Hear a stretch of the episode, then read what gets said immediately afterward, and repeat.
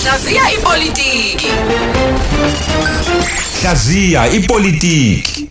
Sihlaziya ezepolitiki nonhlanhla Mtaka uyena ke ongumhlaziyi wezepolitiki sikubingelele mfowaka noMajalimane ekseni abendlovu enamandla enhla nasezantsi siyabingelela dadethu Nalo udaba la eh eh ozanalo othi ake sibheke umgoga nhlangothi zonke odabeni oluthinta umaxhamela nomfoka Samuel. Eh mhlawumbe usho ukuthini uqonda ukuthini ngalokho dadewethu ngizocela nje ukusha amaphuzu amabili ngingakangeni odabeni. Mm okokuqala njengabantu baseningizimu Afrika asiqaphele futhi sigweme ukuxovwa ubuxoki kwamanye amalungu kakhongolose. Asiqaphele ungaxovwa ubuxoki kwamanye amalungu kakhongolose ngoba singena esikhathini la ukhongolose uyakokhetha umengameli. Sizozwa zonke izinto lezi bese sixoveka njengezwe kanti sixova umaxoki nawe ufuna ukulungisa amaphalishi awo. Ukuqala lokho. Okwesibili udaba oluthinta umaxhamela ngqongqosulu kanye nomnumzana uRamaphosa. Kuyishwa ukuthi umnumzana uRamaphosa akaguquki kulento ayiyo ubugwala. Asikho isidingo sokuthi uRamaphosa ayise umaxhamela esigungwini esiphezulu sikakhongolose. Ngikusho ngani lokho uRamaphosa uyena oqoke uMasisulo angamxosha ngisho namhlanje lingathi nje lima phezulu ilanga ebese emxoshile futhi angachazeli umuntu ngoba akasichazelanga namhlanje impahla. Akadingi ke ikhomishana yokulungisa ubugwegwe kukhongolose ngoba izomlandela lento uRamaphosa ukuthi njalo makufuna kathatha isinqumo bese sidlulisela kwabanye abantu athi abaphenya akukho ukuphenywa lapho. Uma qhamela usedweba umqa wathi umengameli ukhuluma amanga yini kufuneke iphenyo ngabanye? Yiko ngithi ke akayeke ubugwala umengameli akakhuluma into eyodwa nje. Amxosha uma emxosha angaloku efuna abanye abantu eh bayomxosha ngoba uyena umqashile. Futhi umeke wavuma umgoga lo engimbonisa kuwo umeke wavuma waxoshwa abanye kukhongolosa uzobe sefakazela lento noma eyiphikisa entweni ayisho yena kuzonto commission. Fundana umbiko bakithi ngisasho. Ithi ANC ngomlomo kaRamaphosa cha umengameli oqasha abantu akuwona ukhongolosi ukhongolosi uyaziwa uyaziswa kusengiqashe bani. Umeke wavuma ke kuloku sisulu wamxosha ngoba uthe ukhongolosi uyobe seyiphikisa yena uRamaphosa ngokwesethulo sakhe asenza kuzonde uma mengameli ubona ukuthi lento eshiwo umaqhameli kunengiwe. Musuqasha ngabanye xosha bese kudlula kuya phambili. Okwesithathu dadewethu sengikhuluma kulento yobuxoki ke manje. Umnomzana uDerek Hanekom kusaphethe umnomzana uZuma wasuka wavuma wathi bona njengokhongolose yena njengelungu lekhongolose uvotela ukuthi kuchithe umengameli kakhongolose ngamafupho aphikisana nenhlangano ebusayo eyayithe angavota kanjalo. Umnomzana umbalula uthe ethuka abantu abaya kuzonde commission bahamba nje bafike bayochama lapha i-commission futhi bayokhuluma umbhede.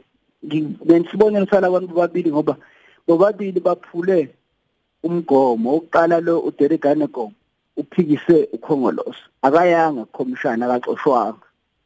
Wayongqongqosha akaxoshwanga.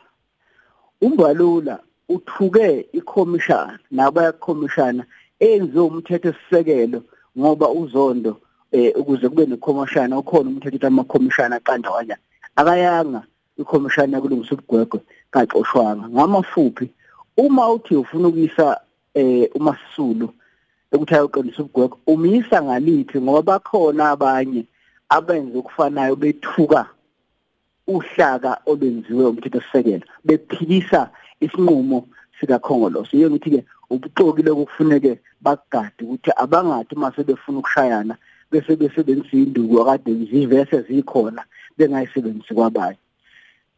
Okunye yena uMasulu naye angadlali ngathi ngoba sesibadala. uMasulu uma umfunda kahle kulento ayibhalile konke akukhuluma sifike sakukhuluma kulolu hlelo sisho ukuthi umthetho sisekelo uxhugaphi. Mhlawumbe lapho ungazulwe naye khona ila khona ethuka behlulela abamnyama babiza ngamathimboxo lokhu ngesilungu kuthiwa ama-house makers into eyayishiwo umnumzana uMalcolm X eMelika ubabize ngamathimboxo bonke laba. Eh sesingayikhuluma ke leyo ukuthi bekufuneke yini ayisho noma ngayisho. Kodwa singeke sikwazi ukukhuluma simphikise kuko noma simnqabele ukuthi aveze uvo lakhe eh ngomthetho sisekelo ayingxenye yawo.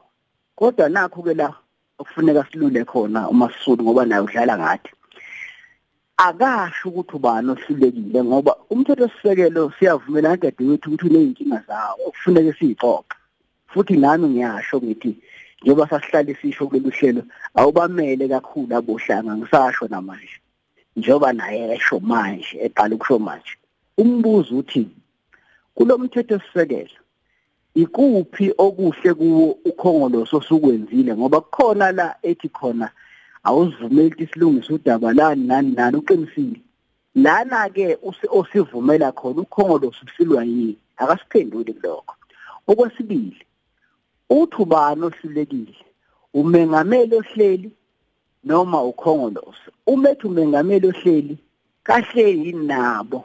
Umethi ukhongolose akayena yini yena ukhongolose ngamafuphi? Umaqhamela kaphumela ubala. Umethi kuthina abantu baseNingizimu Afrika balekelana ukhongolose ngoba ukhohlakela uyilungisa iconstitution. Akasho njalo. Angaloku eshona lena le ekhuluma into esingeze ukuthi uthini ngoba konke akushoyo uqinisile kodwa umbuzo kufuneka sibuze wena ukuthi uthi ubani owonile?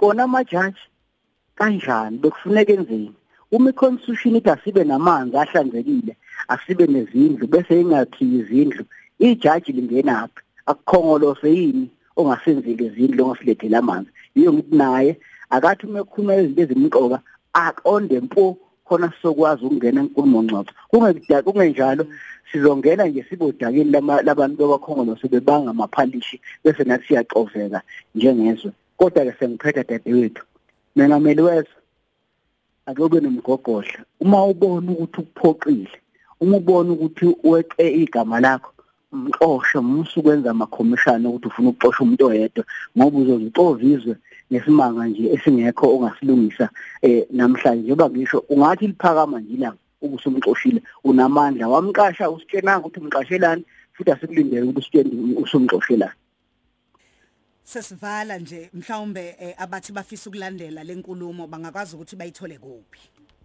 Uma ngiphuma nje lapha singena ku Twitter siqhubeka nayo sikhuluma nje basikhuluma nje nabantu baphawula ukuthi bona bathini. Twitter yami lethi ethi inhlanhla mntaka ake silixoxe ludaba khona ngizokunika nezinye izibonelo zabantu abathuke umthetho sisekelo ngokukhuluma kwabo noma abasho into ephikisana nomthetho sisekelo ubandakanya nawo amajaji uqobo lawo ayaphikisana ngawo umthetho sisekelo kodwa kukho kuthiwa uthukile eh singaya nje ku Twitter manje ethi inhlanhla mdaka noma siye ku Facebook ethi bayede news study siqhubeke nodaba.